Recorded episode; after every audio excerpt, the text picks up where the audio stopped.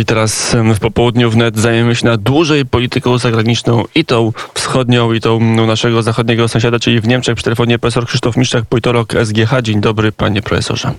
Dzień dobry, panie redaktorze, dzień dobry państwu. No to panie profesorze, chyba najpierw wypada nam e, zacząć od tego, co się dzieje w tej chwili, czyli od spotkania Joe Biden, Władimir e, Putin, e, spotkanie na szczycie. Czego sobie oczekujemy, na co liczymy po tym spotkaniu? To jest bardzo ważne spotkanie. To jest drugie spotkanie oczywiście między Stanami Zjednoczonymi a, a, a Putinem, więc tak wskazuje na to, że chcą utrzymać jakiś kontakt między sobą, dyskutować na temat że tak powiem, tego, co się dzieje w wymiarze e, e, światowym. To jest tylko zagrożenie oczywiście e, tutaj, jeżeli chodzi na granicy z Ukrainą. Chodzi też o rolę Rosji. Rosja chce się tutaj zademonstrować jako gracz międzynarodowy. wiadomo, że już przed spotkaniem były zasygnalizowane pewne, pewne nie chcę powiedzieć znowu czerwone linie, bo ciągle się to powtarza.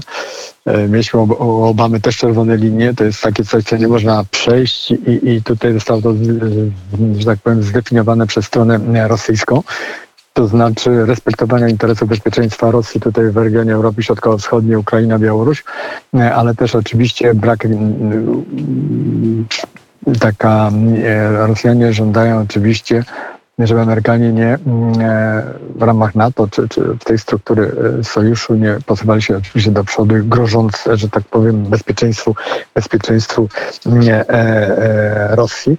Tutaj oczywiście NATO już to jest jasne, że się prezydent Stanów Zjednoczonych nie zgodzi, tak jak i NATO się wcale nie zgodzi. Gdyby się zgodzili na to, czy Bruksela zgodziłaby się na te żądania Moskwy, to jest praktycznie koniec NATO, koniec Stanów Zjednoczonych w Europie, koniec zaufania do, do, do, mm, tego partnera amerykańskiego wśród sojuszników, więc to jest po prostu niemożliwe. Ale jest jeszcze jeden aspekt, który chciałbym chętnie tutaj podkreślić, stosunki z Chinami. Jeżeli gdyby Zachód, Wielki Zachód, rozszerzony Zachód ze Stanami Zjednoczonymi cofnął się tutaj w polityce ustępstw, to znaczy e, nastąpiłyby ustępstwa w stosunku do Moskwy, było to bezpośrednio sygnałem dla Chin e, prowadzenia podobnej polityki w stosunku do Tajwanu, jaką prowadzi e, Putin w stosunku do Ukrainy. I to jest po prostu niemożliwe. To byłaby taka zgoda, że to, co, to, co się robi w Europie tutaj środkowo-wschodniej czy wschodniej, to teraz mamy wolną rękę e, e, e, w wymiarze Dalekiego Wschodu, czyli, czyli Morza Północno-Południowochińskiego, więc tutaj Amerykanie na to Ale nie pozwolą, to... bo to jest ich główny konflikt. O właśnie, w tej sytuacji pojawiają się dwa pytania. Po pierwsze, co to oznacza w wydaniu amerykańskim być twardym wobec Władimira Putina? No i drugie poboczne pytanie, czy Joe Biden, czy jego administracja potrafi być twarda w ogóle? Tak, to jest bardzo dobre pytanie. E, e, e, na pewno ta administracja mm, obecnego prezydenta no nie jest tak wyrazista, bym powiedział w cudzysłowie, jak poprzednika Trumpa, ale Biden musi wiedzieć, że tu chodzi nie tylko o Stany Zjednoczone, tu chodzi o cały porządek międzynarodowy po 1945 roku, który Rosja chce zakwestionować taką nową Jałtę chcą sobie stworzyć. To jest niebezpieczne dla wszystkich tutaj w tym, w tym wymiarze, nie tylko europejskim, ale światowym. Chodzi o tak zwane e, nie wiem, e, może przypomnę, w 2009 roku Rosja zaproponowała tak zwany traktat o bezpieczeństwie europejskim, czyli partycypacji w architekturze bezpieczeństwa Europy, czyli wpływu bezpośredniego na to, co się w Europie dzieje. I na to nie można pozwolić, więc tutaj jest ta, ta, ta sytuacja dosyć niebezpieczna. To jest stare, stare, są stare koncepcje, najpierw był Miedwiediew, później był Putin, jeszcze przedtem jako prezydent Putin w 2007 roku byłem obecny wtedy na konferencji monachijskiej, kiedy on o tym mówił, nikt mógł w to nie wierzył, więc to jest pewna konstelacja interesów e, ciągle, e, ciągle powtarzana przez e, Rosję. I Rosja dzisiaj wykorzystuje oczywiście słabość Zachodu, to jest ewidentne, słabość struktur transatlantyckich, słabość też w pewnym sensie NATO. NATO może oczywiście grozić, ale nie może interweniować zbrojnie. Rosja to do, dokładnie wie, więc myślę, że to jest też jeden taki poziom negocjacyjny ze strony Moskwy. E, grozimy, e, tutaj mobilizujemy siły zbrojne na granicy, bo nie wierzę w inwazję Rosji z różnych powodów, ale to możemy później, e, później porozmawiać na ten temat. Może jakiś ograniczony konflikt, ale to na pewno nie taki o takim o sferze jakiejś, jakiejś ważniejszej. Ale to dlaczego? Rosja To, to, to, to, to, od razu złapmy ten wątek wojny pełnoskalowej, pełnoska, pełnowymiarowej inwazji Rosji na Ukrainę. Taki plan przedstawił no, nie najpoważniejszy niemiecki dziennik, czyli Bild, e, ale wiele osób to komentowało. Tak jest. To jest oczywiście, no, no, pamiętajmy o tym, że miesiąc temu e, Stany Zjednoczone przedstawiły swoim sojusznikom w Brukseli plany inwazyjne, w cudzysłowie, e, Rosji. To znaczy te zdjęcia i tak dalej, to było, powoływali się na, na, na tutaj na, na e, e, raporty CIA, i, i, ale myśmy, pa- pamięta pan redaktor, kiedyś też przedstawiono, tak, przedstawiono takie różne plany w ONZ-cie, więc, więc patrzmy na to, na też na ten, na ten interes wszystkich tutaj tych graczy Europy, e, Putina i, i, i, i, i Bidena. Oczywiście w interesie Bidena jest też pokazywanie tego zagrożenia ze strony Rosji, które jest oczywiście realne, to ja przecież zdaję sobie tego sprawę, ale to jest też konsolidacja Zachodu pod przywództwem Stanów Zjednoczonych. Pokazują, że tylko Stany Zjednoczone mogą się przedstawić takiej neoimperialnej sile jak Rosja. Tutaj. E, Jeszcze jest jedna taka rzecz. No, e, e, obiecywano oczywiście tu e, e, członkostwo 2008 członkostwo Ukrainy w NATO, zresztą Gruzji zresztą wtedy, też. Przeciw e, e, tymi, którzy zablokowali to, to była Francja i Niemcy. Dzisiaj e, to się nie zmieniło. Polityka nowego kanclerza będzie szła w tym samym, w tym samym kierunku. Ja nie wyobrażam sobie, żeby Olaf Scholz inną politykę prowadził jak, jak pani Merkel. On może akcentować inaczej. On ma oczywiście tą koalicję z trzech partii, to znaczy razem z nim, jest SPD, Zieloni i FDW, ale tu polityka się nie zmieni, ponieważ główna, główna rzecz polityki niemieckiej w tym wymiarze to Rosja doskonale wie. To jest polityka też takiego bezpieczeństwa surowcowego. E, Polityka prewencji konfliktów, to, to tak jak tu się tutaj rozumie to, y, i y, poprzez e, politykę rozwojową. Wtedy mamy ten spokój, harmonizujemy, jesteśmy mocarstwem modelującym, a dzisiaj Rosja, wracając do imperialnych ambicji Rosji, chce zrobić dokładnie to samo, tylko na wyższym poziomie, to znaczy koncertu mocarstw. To są trzy państwa oczywiście, Stany Zjednoczone, Chiny i, i Rosja. Rosja pokazuje, że je, jeszcze my tutaj jesteśmy my jesteśmy też ważni, bo nie, nie może być tak, żeby, żeby porządek międzynarodowy był zagrożony, e, znaczy prowadzony, czy, czy kontrolowany, czy modulowany przez dwa mocarstwa. To są Stany Zjednoczone i, i Chiny. My jesteśmy też obecni. To jest to, co Putin tutaj przekazuje Zachodowi. I chce przyciągnąć oczywiście słaby Zachód europejski, Europy Zachodniej na swoją stronę, bo wie, że ten Zachód też pracuje, współpracuje i z Amerykanami, i, i z Chinami, a Chiny są tutaj rozgrywające ewidentnie. A właśnie, jaka jest rola państwa środka, bo wiele osób m, no, mówi, że nawet dominująca, że, że Władimir Putin w zasadzie mało co robi bez wiedzy, bez przyzwolenia Pekinu. E, To są te najdalej idące wnioski. No, Inni są bardziej m, stonowani w ocenach, ale Pana zdaniem, e, jaką rolę odgrywa tutaj Pe- Pekin? Tylko obserwatora, czy też kreatora wydarzeń w naszym regionie świata? Absolutnie kreatora i, i, wreszcie musimy sobie wyjaśnić pewną rzecz. Prawdopodobnie to, to, to, to nie wiem, to, to może nie funkcjonuje. Rosja z Chinami nigdy nie będzie sprzymierzona i na odwrót. Nie będzie żadnego, żadnego przymierza, to jest między tymi dwoma państwami. Przypominam konflikt terytorialny między Chinami a, a, a Związkiem Radzieckim, czy sowieckim, jak się to teraz dzisiaj e, modnie mówi. Mówię o konflikcie na Usuri. To są nierozwiązane kwestie terytorialne. Ta opcja chińska w, w oczach Amerykanów też odgrywa pewną rolę. E, Rosja jest sparaliżowana w pewnym wymiarze strategicznym, bo się może się tylko patrzeć i dostać pomoc, w cudzysłowie, od Europy zachodniej, ale na pewno nie od Chin, bo Chiny mają oddziaływanie globalne i grają na tym, na tym wyższym poziomie ze Stanami Zjednoczonymi. Poza tym Chiny mają świetne interesy, prowadzą w Europie Środkowo-Wschodniej i we wschodniej, na Białorusi i na Ukrainie mają, zresztą Niemcy też, bardzo dużo y, y, inwestycji, które chcą też ochronić. A poza tym, no, jeszcze jest jedna rzecz, która jest bardzo istotna. Tutaj może nieznana, ale, ale, no, ale chciałem to zaakcentować. Przed, jeszcze jak Scholz jutro będzie wybrany na kanclerza Niemiec, w październiku poprosił szefa e, Rady Europejskiej, Michela, żeby w jego imieniu e, zadzwonił, czy wysłał list do Xi Jinpinga, prezydenta Chin i zapewnił go, że nowy rząd Chin, y, niemiecki będzie prowadził taką samą politykę w stosunku do Chin, otwartości gospodarczej, jak rząd Merkel. I wskazał jeszcze, i to jest bardzo ważne, na tą y, umowę inwestycyjną, że on ją będzie wspierał jak jeszcze nie był kanclerzem. Więc proszę sobie zobaczyć, jaka jest konstelacja interesów. I teraz, jakby Putin był mądry, zakładam, że że jest pragmatyczny, bo dyplomacja e, rosyjska jest bardzo mądra w pewnym wymiarze. Oczywiście to jest pejoratywne, co mówię, ale jeżeli chodzi o, o reprezentowanie własnych interesów, to nie podejmują decyzji tak sobie.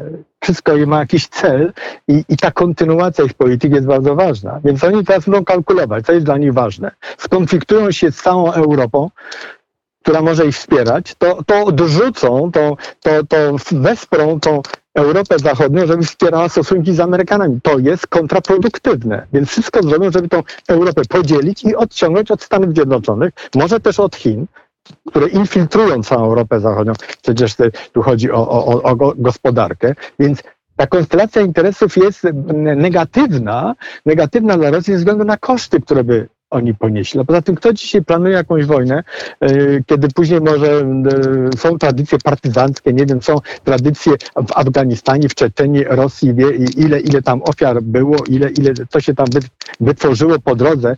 To, to nie jest polityka dzisiaj e, Putina, to jest polityka słabości tego mocarstwa regionalnego, jak to Obama kiedyś powiedział i, i do tej pory, do tej pory Rosjanie są obrażeni, może to też jest jakaś demonstracja siły, że, że my nie jesteśmy jesteśmy tylko regionalnym, ale graczem globalnym, ale też chodzi o inne interesy. Kontroli zbrojeń. Mogą to zrobić tylko z Amerykanami. Dlatego może to dzisiaj będzie rozmowa na ten temat, ale Ukrainie na pewno, ale też to są stosunki z Iranem. Iran jest wspierany, pamiętajmy, przez Chiny.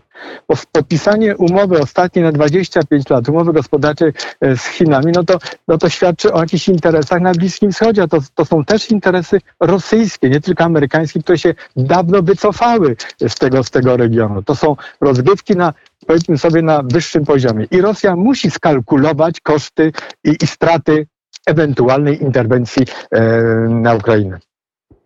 W telefonie profesor e, Krzysztof e, Miszczak, e, kierownik Zakładu Bezpieczeństwa Międzynarodowego Szkoły Głównej Handlowej. A, a na ile to jest cała sytuacja, na której można przetestować nowy rząd w Berlinie, przetestować Olafa Scholza, jaką się będzie zachowywał?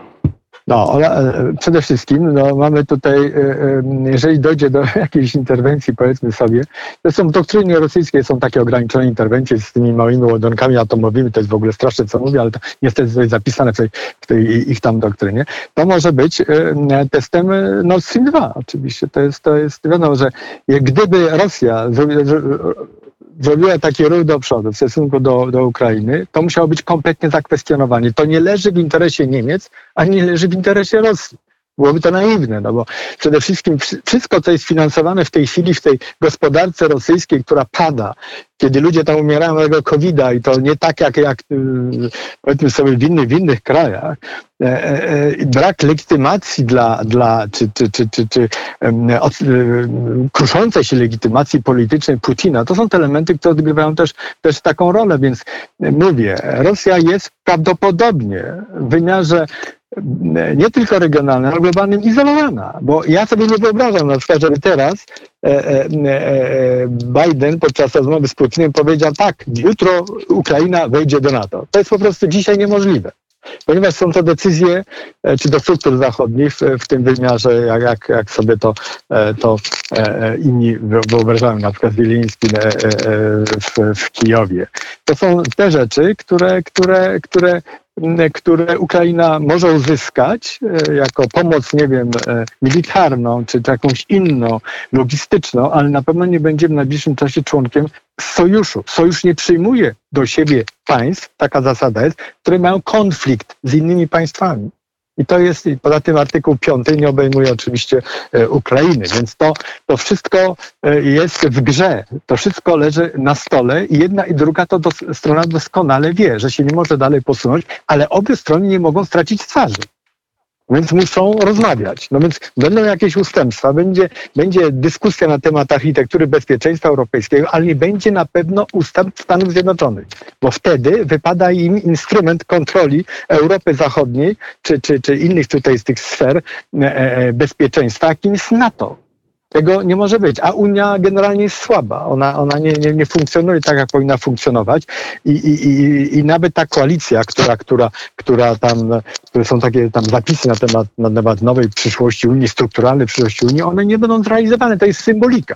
Jeżeli się w Polsce mówi na przykład o jakiejś federalizacji Unii Europejskiej, to jest zapisane. Ale to nigdy nie dojdzie do realizacji z tego względu, że to musi być podjęta decyzja jednogłośnie, jednomyślnie, o, tak bym powiedział. No to, to nie jest... To nie A to skoro jesteśmy już przy e, zapisach nowego, nowego rządu w Berlinie, mamy jeszcze e, dwie, trzy minutki, e, to może krótko, nie umówimy całego rządu, może umówimy się na inną rozmowę, kiedy będziemy cały Jasne. ten rząd niemiecki rozkładać na czynniki pierwsze. Tak ma pan jakąś swoją już ulubienicę albo ulubieńca w nowym rządzie, ktoś będzie wyjątkowo mm, e, albo zauważalny, albo energetyczny, albo kontrowersyjny w rządzie Olafa Scholza? To znaczy ta, ta, ta mm, koalicja, czy, czy ci ministrowie, którzy zostali ze strony SPD, nie ma SPD, wyeliminowani, bo nikt do tej pory nie, nie wiedział, e, kto naprawdę będzie ministrem tam u niego. To jest koalicja nie związana, nie stworzona przez fachowców, tylko przez zarządzających to są, to są politycy. Czyli to nie są, to są, nie są ludzie, którzy mają wiedzę na temat, co się dzieje na zewnątrz, nie mają żadnego doświadczenia administracyjnego w wymiarze e, poza, poza niemieckim. I to dotyczy nie tylko Ministerstwa Spraw Zagranicznych, ale, ale też Ministerstwa, tego super ministerstwa pana e, e, tego, które są w ręce zielonych. No pani Baerbock, która jest ministrem spraw zagranicznych, pierwsza kobieta w historii Niemiec, ona też nie ma tego doświadczenia, więc musi być asertywna, żeby zademonstrować swoje stanowisko, ale musi mieć jeszcze wice, wice, wicekanclerz, minister gospodarki i ochrony klimatu Robert tak. Y, Habeck. Habeck, tak, to jest, to są ci, to są ona i on byli współprzewodniczącymi Zielonych. On jest tym najważniejszym ministrem, ale ja uważam, że dużo, dużo ważniejszym jest, jest y, minister finansów z ramienia FDP. Nie?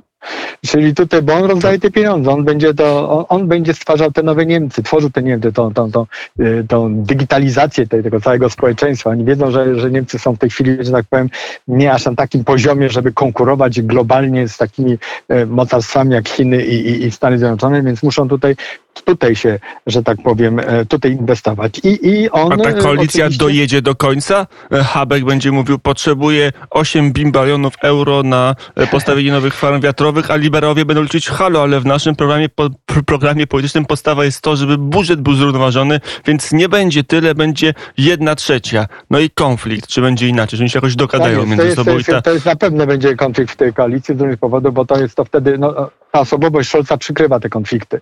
On jest takim moderatorem, on ma duże doświadczenie, się przygotowywał do w ogóle, to jest może nieznany do przejścia, do przejęcia tej funkcji od 20 lat. No, jego wspierała cały czas, oczywiście 16 lat pani Merkel, później jeden taki minister, Heil się nazywał, też go wspierał w tym, w tym, w tym swoim e, jego dążeniu. To była taka wewnętrzna siła, żeby, żeby dojść do tego stanowiska. Przecież to był człowiek do tej pory, który, który był zmarginalizowany w SPD. On nie istniał przez, on był, on był torpedowany przez frakcję e, lewicową, e, taki, więc tutaj on nie mógł, nie mógł odgrywać tej roli. W tej chwili on jest takim, był, powinien być moderatorem, ale konflikty są oczywiście przez różnorodność programów tych partii. On, co ich połączyło? Połączyła ich pandemia przede wszystkim, to jest najważniejszy problem dzisiaj. Ewidentnie, bo ja byłem przy, kilkanaście dni w Berlinie, więc oglądałem, co to jest dla ludzi ważniejsze. Byłem takim uczestnikiem konferencji bezpieczeństwa berlińskiej jako specjalny gość i tam rozmawialiśmy na ten temat i też rozmawiałem z, z SPD. Oni, oni marzą o tym, żeby doszło do drugiej kadencji tej koalicji. To jest to, to, to, to usłyszałem od nich. Ale to jest oczywiście wszystko pisane na papierze. Pamiętajmy o, o Schröderze.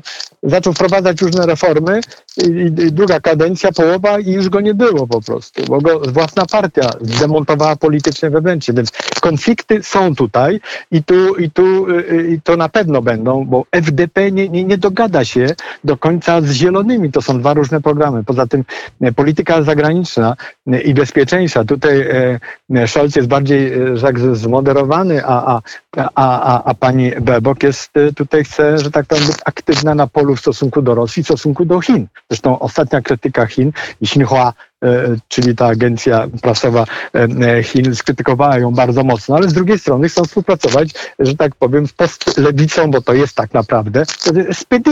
I to jest, i to jest, i to są zarzewie konfliktów, które są ewidentne i to będą. Pytanie jest, jaką będą prowadzić politykę w stosunku do Polski. No bo to jest ważne. Jeżeli oni się opowiadają w tej swojej, w swojej tej e, umowie koalicyjnej za współpracą z Francją, mówią o Polsce, to jest nieprawda, że oni nie mówią o Polsce, mówią o Polsce, ale oni wskazują na Jugendwerk, czyli współpracę młodzieży, no bo wiadomo, że młodzież ma zainwestować i, i, i, i tu są ewidentne zyski. I chodzi o tą suwerenność oczywiście Europy. Suwerenność Europy jest to, jest to symbolika, bo jest też autonomia europejska, bezpieczeństwo Europy. To są różne, różne, różne, że tak powiem, modele. Francuski in, trochę inny, Niemcy inny, nie zgadzają się Niemcy na to. Poza tym jest jeszcze oczywiście obecność Niemiec w NATO. To jest bardzo ważne. Niemcy nie mają żadnej ochrony, Bundeswehra nie funkcjonuje, a pani minister, nawiązując do tego, co, co, co, co pan powiedział, taka Lambrecht się nazywa, Christine Lambrecht, która ma być teraz ministrem obrony w Niemczech, kompletnie się na na tym temacie nie zna, nawet nie była